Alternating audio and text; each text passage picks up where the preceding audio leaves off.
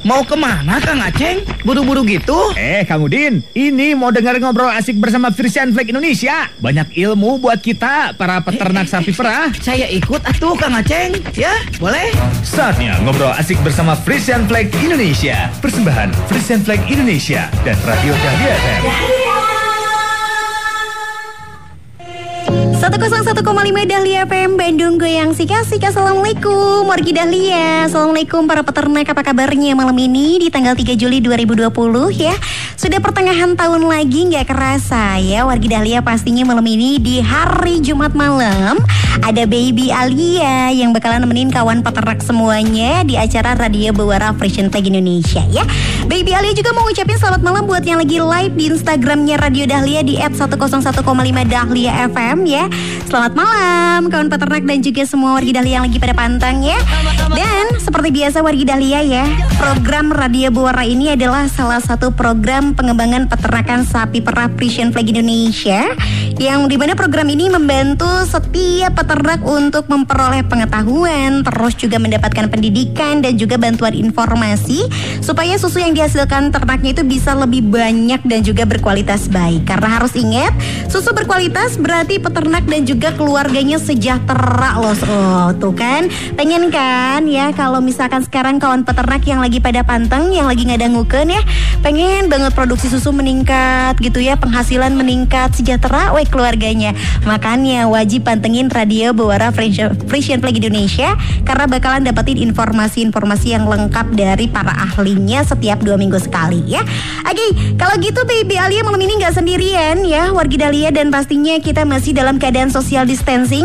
Jadi untuk malam ini akan memberikan informasi masih melalui uh, sambungan telepon wargi Dahlia. Dan malam ini sudah hadir kembali Bapak Evi Lutfila selaku Fresh Milk Relationship Manager PT Frisian Flag Indonesia. Assalamualaikum Wilujeng Wengi Pak Evi. Waalaikumsalam Wilujeng Wengi Oge Sadayana. Kumaha damang Pak Evi?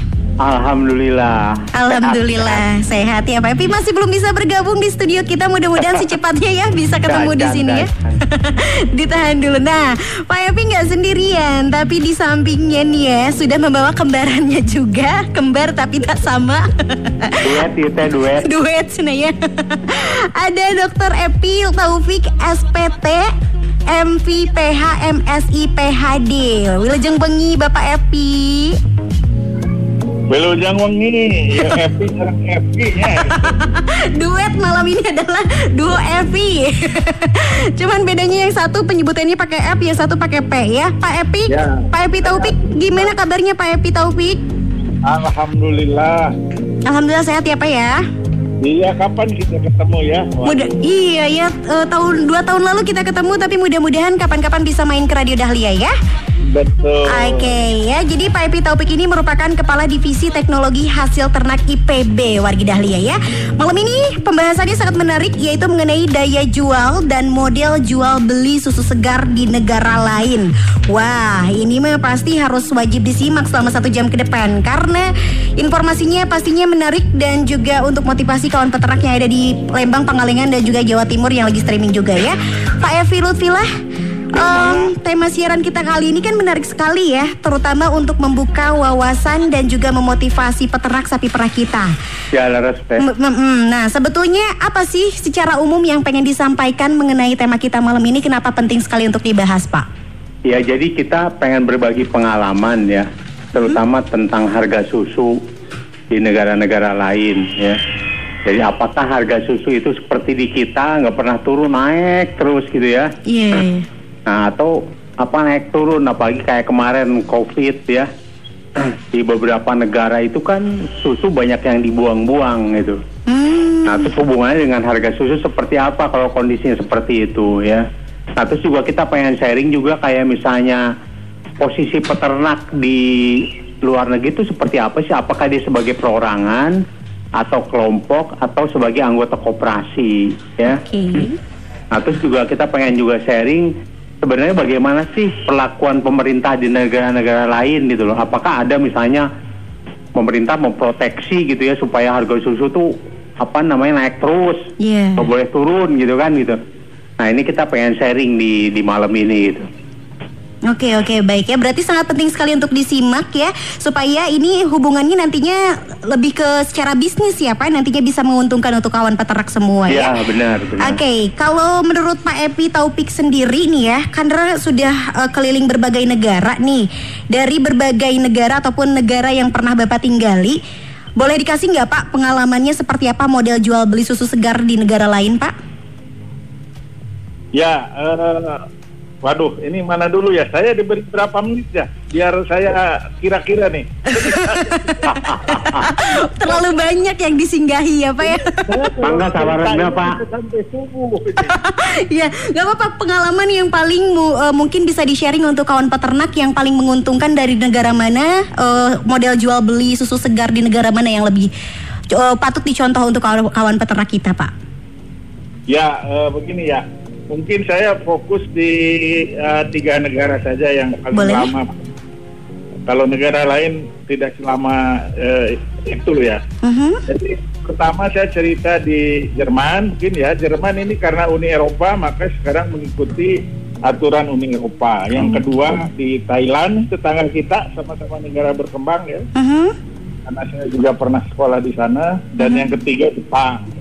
Oke. Nah, di, di- Eropa ini itu luar biasa ya. Jadi eh, pertama pangan itu secara umum memang mendapat perhatian khusus dari eh, apa Uni Eropa ya. Jadi bahkan di sana subsidi apa eh, pangan itu tinggi. Jadi eh, pemerintah itu melindungi peternak ya produsen petani, tapi juga tentu memperhatikan eh, dunia bisnis. Hmm. Jadi buat melindungi ya.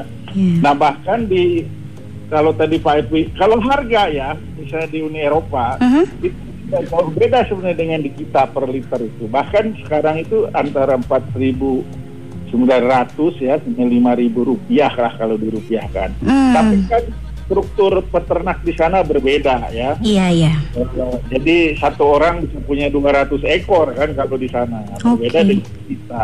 Tapi yang paling ini ya, karena saya harus singkat-singkat ya waktu terbatas ya. Oke. Eh, otoritas pemerintahan di sana yang diwakili oleh aturan Uni Eropa itu khusus untuk susu misalnya termasuk pangan lain. Saya cerita khusus susu ya Mhm. itu mereka pada apa ada istilah eh, market intervention ya intervensi pasar atau public intervention ya. Jadi misalnya di saat saat seperti pandemi ini memang betul ya ada eh, pengurangan eh, apa produksi ya sehingga mungkin banyak kita lihat di berita atau di YouTube sebagian dibuang. Nah, tapi di sana itu eh, apa dalam konteks seperti itu atau ketika post major ya ada kondisi-kondisi eh, musibah dan lainnya itu pemerintah kalau ketika meminta mengurangi pasokan di pasar ya itu apa namanya pasti mengganti ya pasti memberikan kompensasi gitu kepada peternak jadi walaupun tampaknya dibuang itu tidak kemudian apa kemudian merugi sama sekali Oh, Oke. di sana di Eropa ya. Di Mhm. Eropa itu wajib antara peternak ya, milk producer, jadi produ- produse- produsen susu dan pengolah itu wajib ada kontrak. Wajib Oh. di aturan Uni Eropa ya dan itu eh, ada dalam undang-undang yang disebut paket tentang susu tahun 2012. Oke, oke. Nah, peternak juga dianjurkan kolektif masuk di seperti koperasi, Koperasi. atau organisasi Hmm. peternak ya. Nanti mereka itulah yang bernegosiasi dengan eh, pengolah. Nah, di di tengah-tengah Uni Eropa atau pemerintah itu turun di situ. Ya, jadi itu ada langsung eh, undang-undang atau disebutnya regulasi Uni Eropa ya. Oke, berarti secara tidak langsung kalau di Eropa sendiri eh, untuk peternak ini diwajibkan jual belinya melalui koperasi ya Pak ya? Uh, uh, ada yang bergabung, ada Mhm. yang kalau skalanya lumayan besar tidak, tapi wajib uh, apa ada kontrak tertulis antara Oh, peternak yang memproduksi susu segar dengan pengolah. Oke, baik Nah, baik. diawasi ketat oleh Uni Eropa, oleh pemerintah masing-masing. Oke. Nah, termasuk standarnya, artinya standar kualitas ya dan sebagainya. Jadi pasar itu dimonitor oleh Uni Eropa secara langsung. Oke, Pak kalau misalkan kita melihat Eropa kan itu perbandingannya adalah negara maju yang memang sudah eh, ber, eh, maju dari segala aspek ataupun segala Ya. bidang. Coba kalau misalkan eh, kita lihat dari Th- Thailand Pak untuk Oke. negara berkembang yang sama seperti kita, seperti apa Pak Ya. kalau di Thailand sendiri model jual beli susu segar di sana? Atau satu lagi dulu ya negara maju Jepang. Oke, boleh boleh boleh. Perbandingan ya. Boleh boleh. Nah kalau di Jepang itu ada namanya J milk gitu kalau bahasa Memang bahasa Jepangnya juga pakai bahasa Inggris, tapi Oke. kalau orang Jepang bilangnya J miruku gitu ya. Demiruko. Nah, itu organisasi gabungan di dalamnya ada eh, peternak sapi perah, Mhm. industri ya, eh, baik itu pengolah atau juga yang memasarkan ya seperti seperti jaringan supermarket dan sebagainya. Ya, nah itu semua yang ada di supply chain ya, semua yang terlibat di dalam rantai pasok susu itu diwadahi dalam JMIL. Oke. Nah, jadi mereka itu mengatur eh, supply demand harga bareng-bareng kalau di sana itu. Nah, di eh, organisasi itu sendiri dibentuk pemerintah, tapi anggotanya itu ada dari sosialisasi. Bahkan mereka melibatkan selain apa peneliti seperti saya, Ya. juga para influencer. Nah, kalau sekarang kan zaman istilahnya buzzer, influencer. Ya. Nah, itu mereka menggunakan untuk promosi. Oh, iya iya iya. Nah, bagaimana organisasi hidup? Ya di, dibiayai bareng-bareng pemerintah, bisnis, koperasi. Nah, Jepang itu perusahaan eh, susu besar itu tidak boleh punya farm sendiri, Oke. tidak boleh. Jadi harus membeli susu dari peternak atau koperasi peternak. Hmm, iya. Nah, iya. pemerintah itu ada di tengah-tengah, jadi mirip-mirip di Eropa, melindungi kalau ada ada gejolak pasar dan sebagainya, maka pemerintah itu akan turun tangan, ya, mensubsidi atau mengurangi pajak mungkin buat eh, produsen dan sebagainya itu di situ di Jemilk itu. Hmm. Nah, itu. Jadi semua terlindungi, hadir, pemerintah itu hadir. Iya iya iya iya. Oke, jadi punya perannya masing-masing, peternak pun bisa dengan le- leluasa ya menyelesaikan tugasnya. Oke. Ya, Oke, saya penasaran di negara berkembang Ya, seperti apa, Pak? Thailand ya. Iya. Nah, ini, di Thailand ini eh, sebenarnya saya cerita juga malu kadang-kadang ya sama-sama negara berkembang gitu. Sama-sama berkembang. eh, tapi mereka sudah lebih terorganisir dengan baik. Oke. Ini kalau tadi ya harga susu, kalau saya bilang ini harga susu di Thailand ini cukup tinggi loh. Sekarang saja Wow. kan itu konsisten ya. Dari tahun 2012 seingat saya sampai sekarang rataannya masih antara 18 sampai 19 baht itu per liter. Oke. Jadi aku- ya kurang lebih 8.900 9.000 rupiah tuh per liter. Dan setiap tahunnya naik terus ya kalau di Thailand ya? Eh, naik terus tidak ya, tapi apa eh, Ada peningkatan namanya? lah ya. ada peningkatan dan konsisten.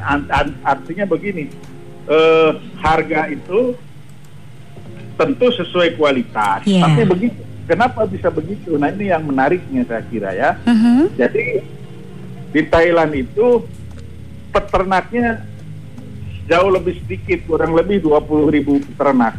Di kita kan 140 ribuan kalau data Mhm. BPS. Iya. Tapi eh, populasi sapinya itu sama dengan kita ya. Seriusan, Jadi- Pak? Ya, jadi satu rataan per peternak tuh di, sana bisa 13 ekor. oh, iya. Ya, iya. bisa lumayan banyak dan dan produksi susunya jauh lebih banyak. Nah, cuma di pasar di sana itu 40% pasar susu segar di Thailand itu itu sudah ada captive market namanya, yaitu untuk program susu sekolah. Oh, oke. Seperti apa itu, Pak? Ya, jadi di Thailand itu seperti di Jepang dan Eropa, di Jerman negara maju, anak TKSD-nya setiap istirahat siang minum susu segar, Hmm. atau. Oke. Jadi 40% produksi susu. Halo, Pak Evi. Oke. Pak Evi? Iya, baik ya. Nah, terdengar? Iya, sudah. Jadi di Thailand itu ya 40% pasar susu segar itu sudah keserap oleh program susu sekolah dan Hmm. itu semua dibayari APBN-nya Thailand. Wow. Nah, Iya, iya, jadi enam- 60% sisanya baru ke pasar baik di tradisional ataupun di supermarket. Hmm, iya iya. Nah, jadi eh, itu kan menggairahkan ya bagi bagi peternak artinya ada jaminan pasar, kemudian harga juga bagus karena antara harga dan kualitas ini kadang kayak telur dan ayam ya kejar-kejaran mana Iya duluan. iya. Iya benar-benar Pak. Oke. Ya. Baik Dan baik. di terakhir ya di Thailand itu juga ada yang namanya semacam dewan susu kayak Jemilk di Jepang tadi. Hmm. di mana Nah, di mana di Dewan Susu itu duduk eh, wakil pemerintah, Ya. kemudian perusahaan, wakil perusahaan ya bisnis, juga wakil peternak. Mereka itulah yang nanti menentukan standar harga, standar kualitas, kampanye susu, manajemen, termasuk mengatur kuota impor gitu. Oke. Nah, itu. Oke baik, ini sangat menarik sekali pembahasannya Wargi Iya. Dahlia ya. Pastinya masih banyak lagi bocoran-bocoran dari Pak Epi Taufik dan juga dari Pak Evi Lutfilah yang bakalan dikasih tahu buat kawan peternak semuanya mengenai eh, jual beli susu yang seperti apa sih yang bisa mensejahterakan para peternak kita di Indonesia. Makanya jangan ke mana-mana, Wargi Dahlia panteng terus di 101,5 Dahlia FM. Buat yang mau tanya-tanya boleh lewat WhatsApp di 0855 2111015. Pak Evi Taufik dan juga Pak Evi Lutfilah boleh istirahat dulu. Kita akan dengarkan dulu Radio Bawara ataupun mini drama dari Radio Bawara Frisian Flag Indonesia. 101,5 Radio Dahlia FM. Radio nomor 1 di Bandung. Kemarin saya habis baca tabloid Bewara, Kang, mengenai pedet dan pembibitan yang baik dan benar. Ternyata saya teh melakukan kesalahan ketika sering menjual pedet dan membeli sapi dewasa teh. Itu dia, Kang. Sebagai peternak, kita harus mulai berpikir mengenai pembibitan, terutama bibit yang berasal dari induk yang bagus secara fisik dan juga produksi. Iya ya Kang, kadang suka bingung peternak kayak kita teh. Kalau dipelihara pedet kan biayanya cukup besar, tapi kalau dijual juga salah. Itulah, Kang. Seharusnya kita gimana ya, Kang ya? Eh, ada apa nih? Kok sepertinya lagi serius? Wah, Pak Dokter, aduh, kebetulan pisan ini mah. Kita berdua teh lagi bingung, Pak Dokter. Bingung. Bingung kenapa? Tentang apa? Iya, Dok. Kami diskusi mengenai pemeliharaan pedet dan juga pembibitan. Wah, saya senang Akang-Akang sebagai peternak sudah memikirkan mengenai pembibitan. Karena dengan kita melakukan pembibitan yang baik, maka kita dapat berharap ke depannya. Sapi-sapi kita produksinya lebih baik dan keberlangsungan peternak sapi perah juga terjamin. iya, Pak Dokter. Aduh, kita teh sebagai peternak muda dan berjiwa muda teh berharap dukungan ilmu dari Pak Dokter teh agar selalu bisa menambah wawasan. Betul begitu, Kang Muda? Pakat, Kang. Apalagi kalau ada dukungan dari koperasi, industri, dan juga pemerintah. Seperti sekarang, jadi kita lebih semangat. Alhamdulillah. Terus update ilmu dengan rajin ikut penyuluhan dan baca tabloid Bewara ya. Juga rajin dengerin siaran radio Bewara ya. Pantengin aja di Dahlia di satu kosong satu koma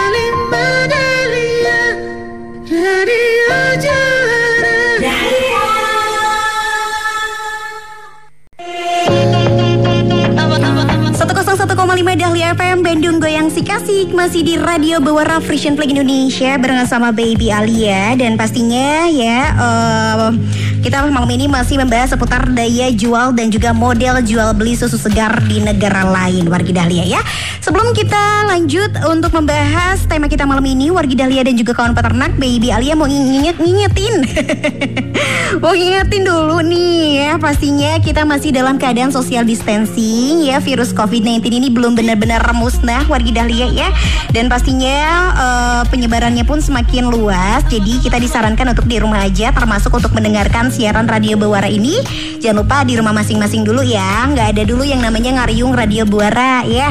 Dan buat wargi Dahlia dan juga kawan peternak yang merasa sedang tidak sehat, itu sebaiknya tidak memaksakan untuk bekerja ataupun menyetor susu ya. Terus kalau memang harus keluar rumah, misalnya untuk melakukan penyetoran susu ke MCP atau TPK, itu selalu memakai masker penutup hidung dan juga mulut wargi Dahlia ya. Terus jangan berkumpul setelah penyetoran susu, segera langsung pulang untuk mengurangi potensi penyebaran virus. Dan jangan lupa cuci tangan sebelum dan sesudah memerah dan setor susu dengan menggunakan sabun. Konsumsi juga makanan sehat dan minum susu juga agar badan lebih bugar dan juga tidak mudah sakit. Demi kebaikan dan keselamatan bersama, jadi ayo kita patuhi himbauan pemerintah untuk di rumah aja. Bukan berarti nggak gaul, tidak ketemu teman atau saudara pun tidak eh, bukan berarti bermusuhan juga. Dan yang eh, pastinya buat warga Dahlia yang sekarang lagi di rumah aja juga tetap selalu jaga kebersihan ya. Em, Pak Evi dan juga Pak Evi ya malam ini masih menemani kita wargi Dahlia ya. Eh, dua orang yang namanya sama dan akan memberikan informasi yang begitu luar biasa ya. Em, Pak Evi Lutfila. Yo mangga. Oke, tadi kan kita sudah mendengarkan uh, paparan dari Pak Evi, uh, Pak Evi yang satu lagi, Pak Evi Taufik ya, mengenai uh, percontohan jual beli susu di negara-negara lain nih Pak ya. Ya. Kalau menurut Pak Evi sendiri nih, apa sih duplikat yang bisa dilakukan ataupun yang bisa kita contoh untuk peternak-peternak yang di Indonesia dari pengalaman di negara-negara lain Pak? Nah, jadi sebenarnya kan semua sistem kayak di bisnis ataupun di mana pun, ya itu kan nggak ada yang sempurna ya semuanya ya. Ya. Jadi pasti ada kekurangannya, ada kelebihannya gitu ya.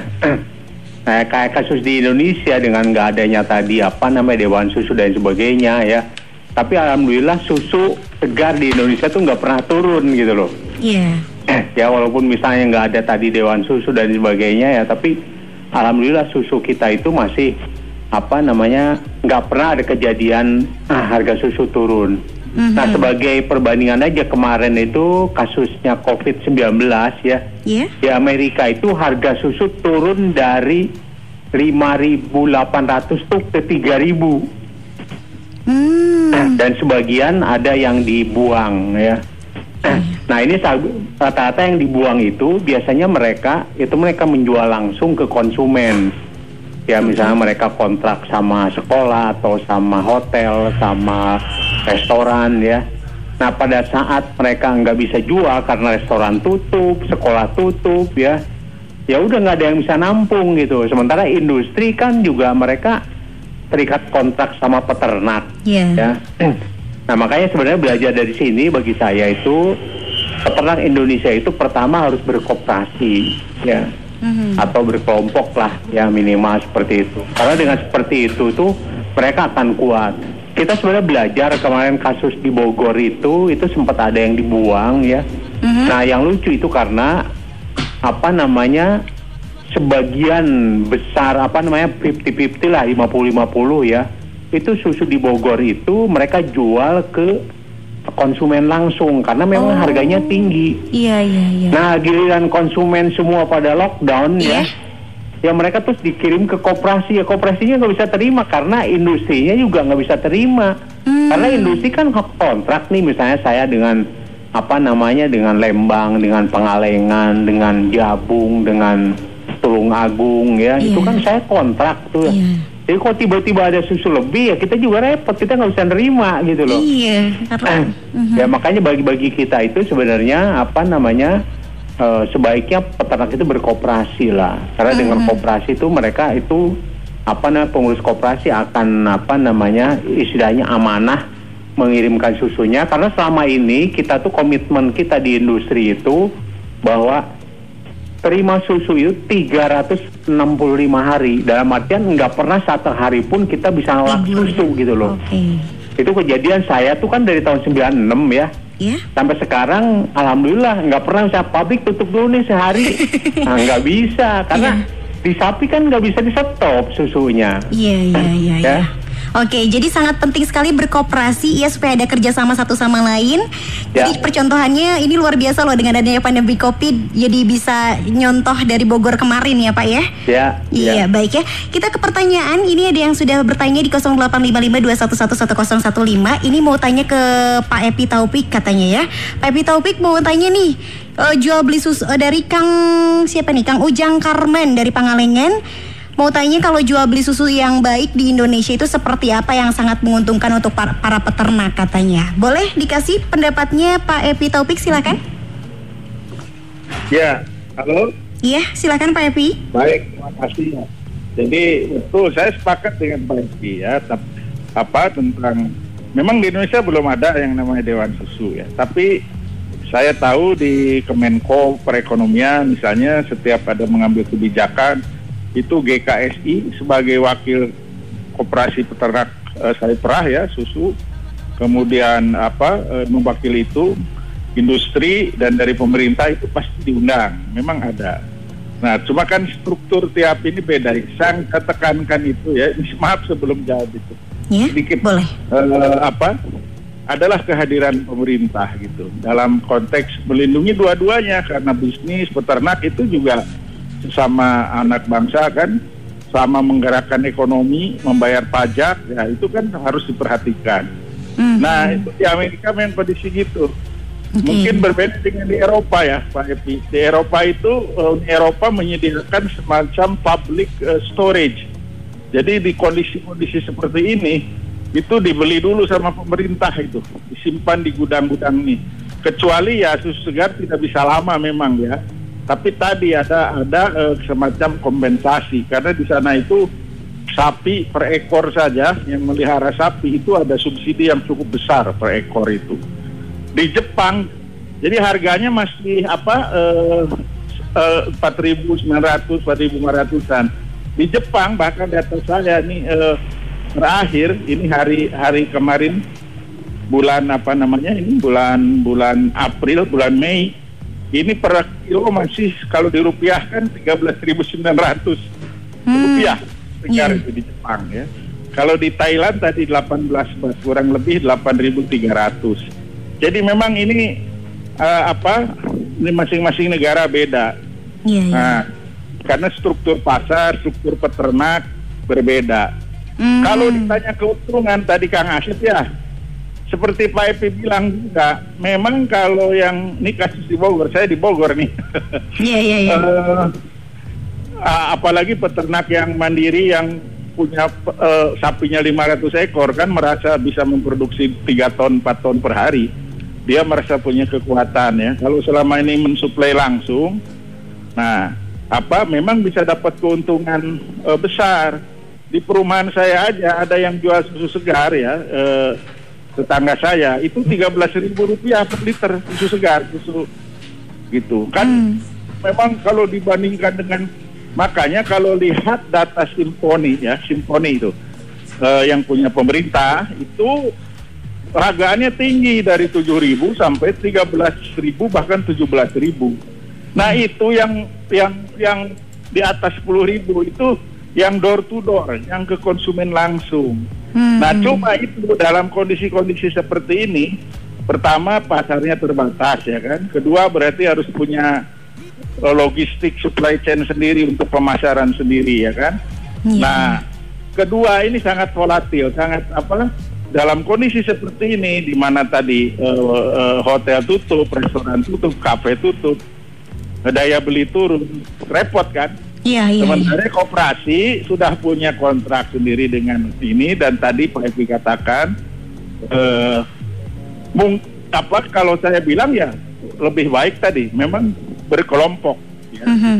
Ngegapoktan minimal kalau tidak koperasi karena nanti ke depan fasilitasi atau bantuan pemerintah itu juga memerlukan kelompok, memerlukan badan hukum ya. Hmm, iya. Kalau perseorangan apalagi skalanya kecil itu akan repot ya Mhm, Iya, iya, iya. eh, dalam hal fasilitasi dan tadi secara jaminan pasar lebih terlindungi. Hmm. Saya kira harga sekarang betul dan kualitas susu rata-rata peternak ya dari GKSI ini per Mei 2020 sudah bagus di Jawa Barat ini Oke. Eh, rataan TS-nya 11,89 ya. TPC-nya rataannya sudah 740 ribu. Itu kan sudah kelas satu ya, grade satu. Jadi mungkin tidak seharga itu kalau jual langsung itu ke konsumen tidak setinggi itu ya, Kang Asep. Tapi itu wajar harga yang masih apa? Kan harga itu ditentukan kualitas. Sementara kita ingin tadi jaminan pasar karena betul sapi tidak bisa dihentikan Hei, lagi corona, stop dulu tong ngeluarkan susu. Nggak tidak bisa. Nah, setiap pasti keluar susunya. Kalau nggak diperah mastitis, rusak kambingnya. Nah gitu. Jadi lebih baik eh, lewat kelompok ya, yang kemudian nanti koperasi mempunyai kontrak jangka panjang ya untuk eh, dapat jaminan pasar. Nah itu yang penting saya kira. Artinya Oke. Dapat untungnya tidak terlalu besar mungkin ya. Mhm, iya. Tapi konsisten dan terjamin pasar kan mendingan seperti itu ya. Mhm, Oke oke baik ya.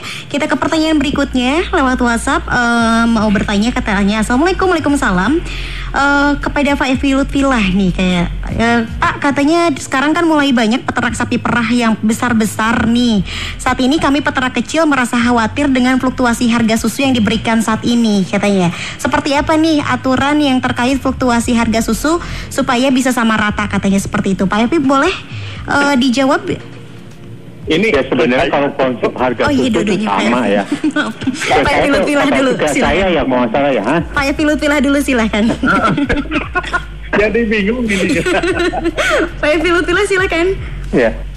Ya, jadi sebenarnya kalau formula harga susu itu kan sama ya. Jadi artinya kita bayar itu berdasarkan kandungan lemak sama kandungan protein sama TPC ya. Jadi selama peternak itu bisa menghasilkan susu dengan kualitas baik, itu harganya akan sama. Nah, tapi harus diingat ya, kosnya di apa namanya di eh, mega farm ataupun itu juga sebenarnya ada korelasinya dengan apa namanya dengan operational costnya. Oke ya ya Jadi saya pikir di peternak itu kalau misalnya kualitasnya bagus ya, ya harganya juga akan bagus. Iya iya iya iya Nah, jadi saya nambahin juga tadi, kalau misalnya peternak pengen untung, memang kalau menurut saya juga peternak juga harus dibayarnya berdasarkan per orang ya. Karena gini, sekarang itu kan digabung. Ya, jadi misalnya kadang-kadang ada peternak yang bagus, ada peternak yang jelek. Terutama ini dari segi kuman ya, dari segi TPC, bakteri. Nah kan kasihan sebenarnya peternak-peternak yang sudah bersih ya tiba-tiba karena harganya digabung sama yang lain kan harganya jadi turun. turun iya iya Ya. Mhm. Nah kayak kasusnya kalau kita lihat kayak di apa namanya di negara-negara berkembang kayak India lah. India itu kan termasuk sekarang produksi susunya paling banyak di dunia. Oke Ya, dari di sana juga ada koperasi namanya Amul ya. ya Nah, di peternak-peternak yang kecil ya, yang punya satu dua ekor ya, apalagi dia di sana juga sebagian susunya susu kerbau ya. Mhm. Nah itu mereka dibayarnya tuh langsung. Jadi begitu si peternak datang ke tempat penampungan, diperiksa di situ, misalnya lemaknya berapa, misalnya lemaknya 4,0, ya ya ada harganya di situ langsung dibayar di situ. oh iya iya iya Nah, itu kan itu kan negara-negara berkembang yang apa namanya relatif miskin lah gitu ya, walaupun dengan jumlah susu yang paling banyak di dunia, tapi dia apa namanya secara apa kemiskinan juga cukup miskin ya. iya iya iya iya Nah, tapi dengan seperti itu, peternak sangat diuntung. Artinya setiap hari mereka mendapat uang dari koperasi, ya. Nah, dia kan juga lebih enak ya kalau sekarang kayak di kita di mana? Di Jawa di, eh, di Indonesia ini ada yang dibayar berdasarkan per minggu, ada yang per dua minggu, ada yang 10 hari, bahkan ada yang sebulan gitu kan itu. hmm oke oke. Tapi keuntungannya itu untuk bisnis sapi perah itu atau susu segar itu itu harganya alhamdulillah sampai saat ini kita belum pernah turun itu. hmm masih stabil ya pak ya? Ya, Oke baik, kita ke pertanyaan, pertanyaan terakhir ya. Assalamualaikum Waalaikumsalam. Saya Andi dari KPSBU Lembang TPK Gunung Putri. Mau tanya nih mengenai daya jual susu. Apakah umumnya di negara lain ukuran daya belinya itu bukan per liter, melainkan per kilo, Pak? Seperti pembelajaran di F2App, katanya ukuran susu diukuran diukur dalam kiloan bukan liter. Dan apakah di Indonesia mampu bersaing dengan tiga negara yang tadi sudah disebutkan oleh Pak Epi, Jerman, Jepang, dan negara Thailand katanya? Dari Pak Epi Taufik silahkan boleh dijawab. Baik, ya saya ya eh, boleh dibilang apa namanya yang termasuk eh, sejak awal teriak-teriak tentang ini ya. Iya. Jadi eh, betul ya seperti Pak katakan ya harusnya karena susunya keluar tiap hari karena juga dapat uang tiap hari ya. Kemudian tentang harga betul tadi itu. Ya India adalah salah satu negara yang eh, contoh berhasilnya eh, industri swasembada susu dengan peternak rakyat ya itu komposisi peternak rakyatnya terbesar dan sekarang dia jadi penghasil terbesar susu di dunia. Iya. Nah terkait pertanyaan ini betul Pak ya ada ya ada yang pro dan kontra tapi terus terang saya kira eh, adalah suatu apa eh, kewajiban kita dalam konteks eh, keadilan ya Mhm. dalam apalagi peternak ini sudah tidak menghitung opportunity cost kan dia tidak menghargai menggaji dirinya sendiri Iya iya benar. Hmm. untuk ngarit untuk dan sebagainya Gak dihitung. layak ya selayaknya dapat harga yang adil. Iya, nah kalau di negara maju di Eropa di Jepang ya di yang Australia yang saya pernah kunjungi Amerika termasuk di Thailand harga itu baik farm gate price ya harga di istilahnya di pintu gerbang eh, peternakan atau factory gate price itu itu per kilogram. Oh per Ya, kilogram. Oke. Mhm. Iya, karena lebih adil, ya kan? Nah, terutama tadi Pak Epi juga bilang, ini ada kasus saya tidak usah sebut ya. Peternaknya sudah kerja keras, dia memproduksi apa namanya eh, susu kualitas satu, PPT di bawah sejuta bahkan empat ratus ribu, eh, TS TS-nya bagus ya. Tapi karena kesalahan penanganan ya di logistiknya, maka sampai pabrik TPC-nya jadi 5 juta. Waduh. Nah, ini kan, ini kan salah siapa kalau seperti itu. Kasihan kan peternak. Iya iya. Hmm. Nah, apalagi artinya ada sesuatu baik di logistik atau ketika dicampurkan di di satu truk. di- nah, ini kan ada harus banyak perbaikan. Artinya ya kita masing-masing harus introspeksi semua memperbaiki diri demi keadilan, kemakmuran bersama, maju bersama ya. Karena dengan kilogram itu lebih adil. Karena susu itu kan BJ berat bibitnya di atas satu, kan satu itu air, ya kan? Mhm. Ya, yang 0,028 dan seterusnya itu adalah total solidnya. Hmm. Jadi kalau eh, dijual liter kan satu liter, sementara satu kilo itu 1,028 kak katakan. Iya. Mhm. Nah, kan seperti kecil, tapi kalau kali 200 ton per hari kan Wah lumayan itu menguntungkan sekali ya. Oke. Tapi kalau di negara tetangga kita itu per kilogram. Kalau negara maju sudah lama per kilogram. Nah Oke. biasanya dampak dari apa itu ada milk collecting yang pakai digital atau pakai barcode itu kan per kilogram. Mhm, iya. Salah satu ininya. Jadi peternak menerima keadilan lah yang lebih baik. Iya. Ya.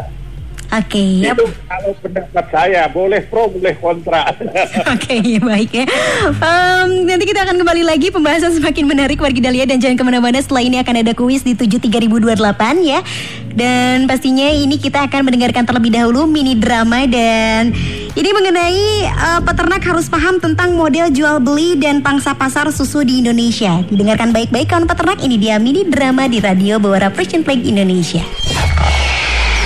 101,5 Radio Dahlia FM Radio nomor 1 Di Bandung. Kang Asep, di masa-masa corona ini saya lihat di berita ada peternak di luar negeri yang buang susu.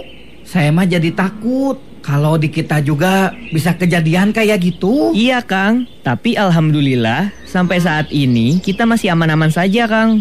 Kemarin saya sempat ikut seminar online.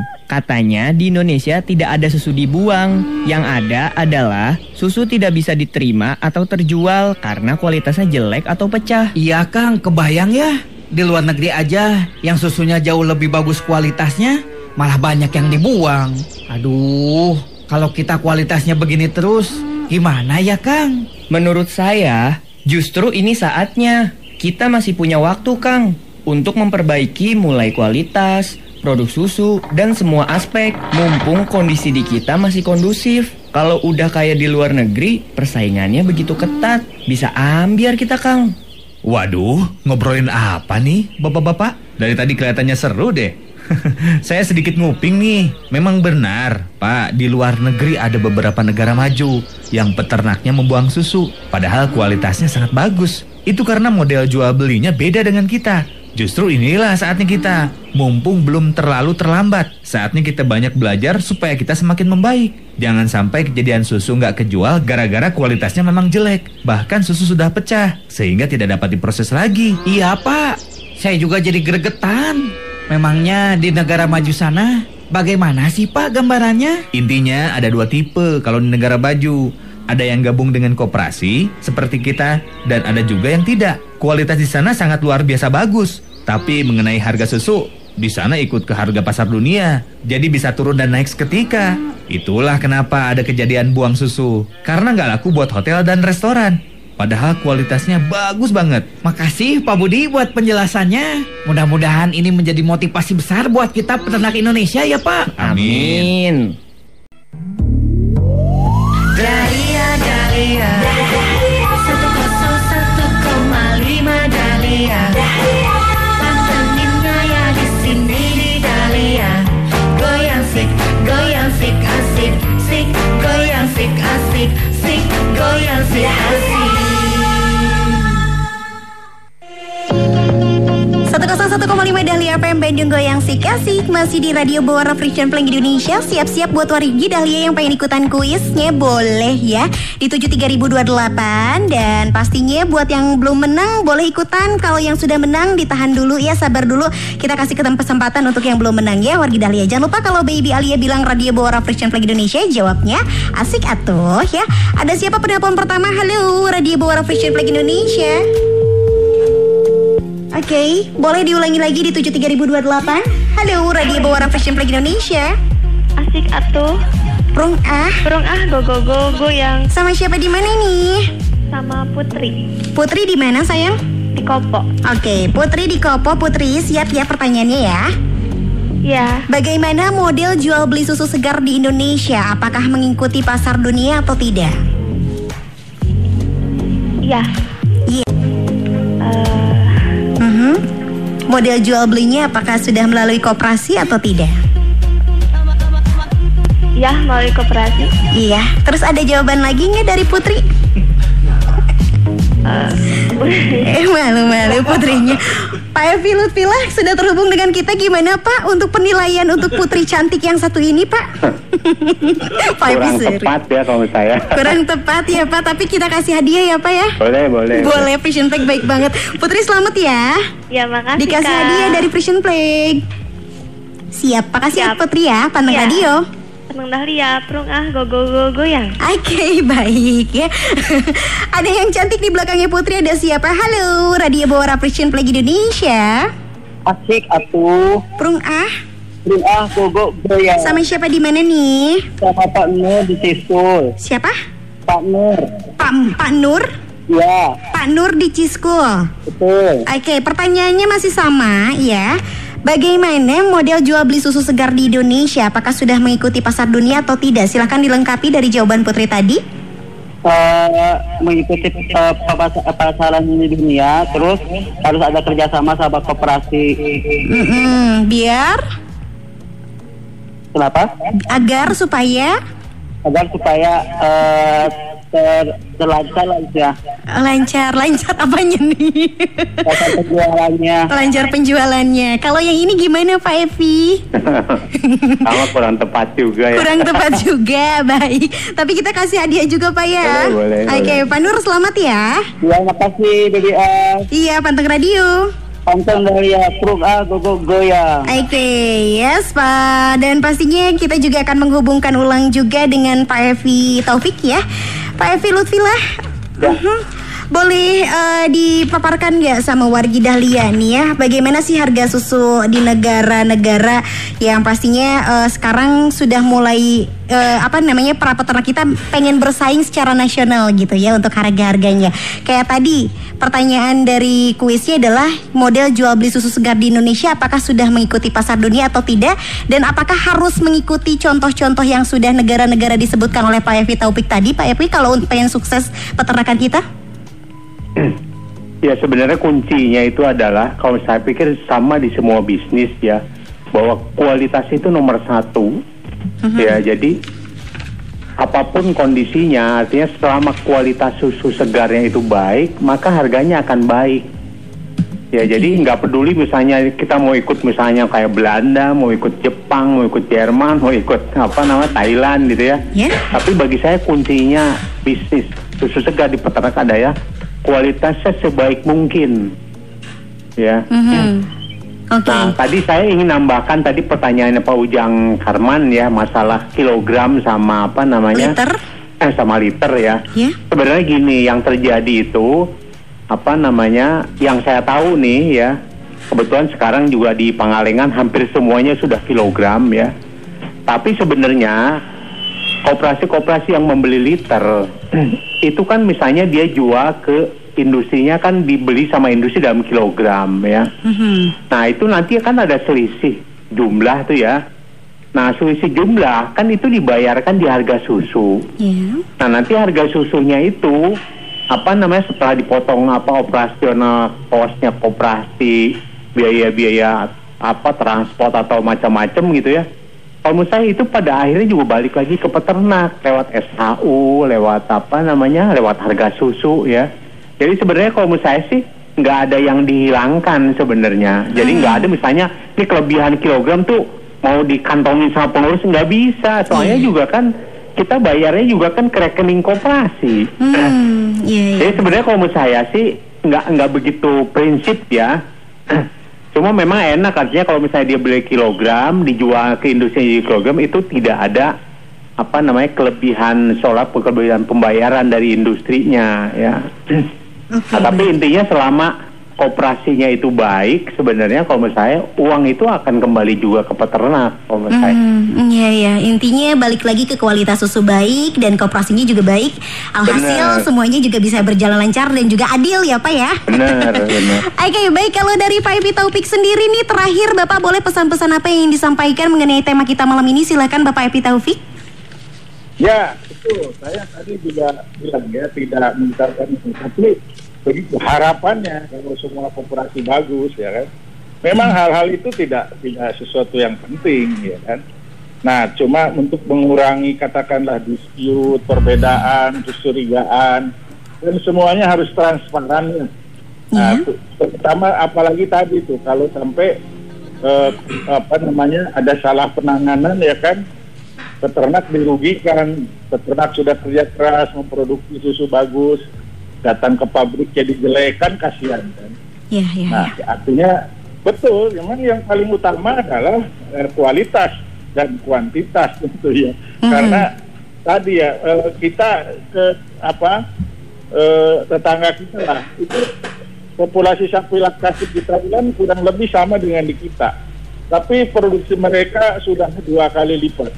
Artinya produktivitasnya di kita katakan 1,8 1.800 ton per hari di sana sudah 3.700an dengan Oh. jumlah yang sama kan. Mhm. Artinya kan selain kualitas, kuantitas juga perlu kan gitu ya. Apa Iya. produktivitasnya per per ekor per hari dan ini sangat banyak faktor mempengaruhi termasuk pakan ya kan. Siap Dan baik ya. itu- Jadi, itu- jadi yang penting saya kira semua kita harus terbuka terhadap perbaikan Mhm. dan semangat kita harus maju bersama, Mhm. untung bersama, ya kan makmur bersama. Nah begitu. Jadi eh, itu saya kira yang penting. Itu semua harus transparan kekeluargaan sesuai semangat Indonesia kan gotong royong. Iya, kan? gotong royong ya, Nah, itu yang penting, ya kan? Ya, baik baik ya. Kalau pesan dari Pak Epi terakhir, Pak Epi Lutfila silakan terakhir apa yang ingin disampaikan Pak? Ya tadi di awal kan saya minta apa namanya peternak supaya masuk atau gabung ke koperasi ya. Iya. Nah, yang penting kalau menurut saya ini koperasinya juga harus benar ya, harus dikontrol ya karena koperasi ini kan sebenarnya disahkan sama pemerintah. Jadi setiap lima tahun sekali mereka melakukan pemilihan pengurus, lalu disahkan sama pemerintah ya. Mhm. Nah, saya juga minta apa namanya concernnya pemerintah karena gini, 25 tahun saya di pengembangan susu segar ya. Ya. Saya melihat banyak-banyak koperasi yang bangkrut itu karena nggak ada kontrol, nggak ada pengawasan. Ya, betul, betul. Ya. Nah, apa namanya?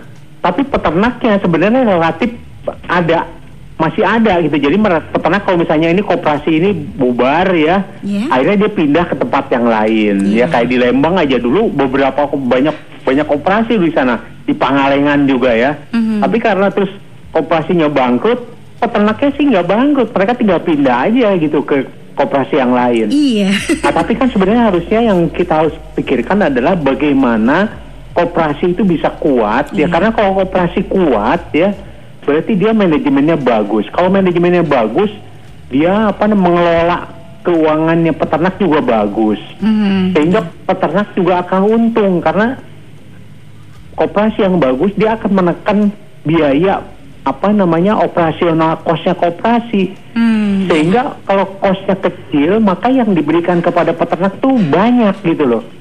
Ya. Nah ini tantangannya di sana kalau menurut saya. Jadi kooperasinya juga harus benar gitu loh, Mhm. harus baik gitu. Oke, baik ya. Pak Evi Taufik dan juga Pak Evi Lutfila, terima kasih banyak malam ini. Terbatas dengan waktu Bapak. Mohon maaf, terima kasih banyak untuk informasi yang sudah disampaikan ya.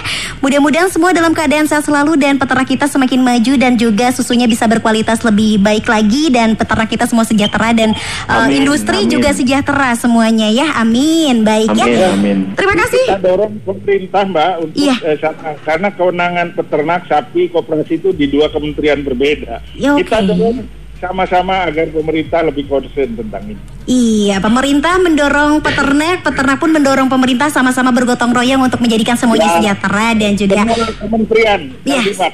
Baik baik. Karena koperasi di bawah kementerian koperasi. Oke, baik terima kasih banyak Pak Evi Lutfila dan juga Pak Evi Taufik. Terima kasih, selamat malam, semoga sehat selalu. Assalamualaikum. Sama-sama. Terima kasih. Baik, lihat nuhun. Sami-sami. Oke baik selamat malam Pak Evi ya. Terima kasih banyak ya sayang sekali ter uh, potong dengan waktu ya Wargi Dahlia dan juga kawan peternak. Terima kasih banyak buat yang sudah pantang.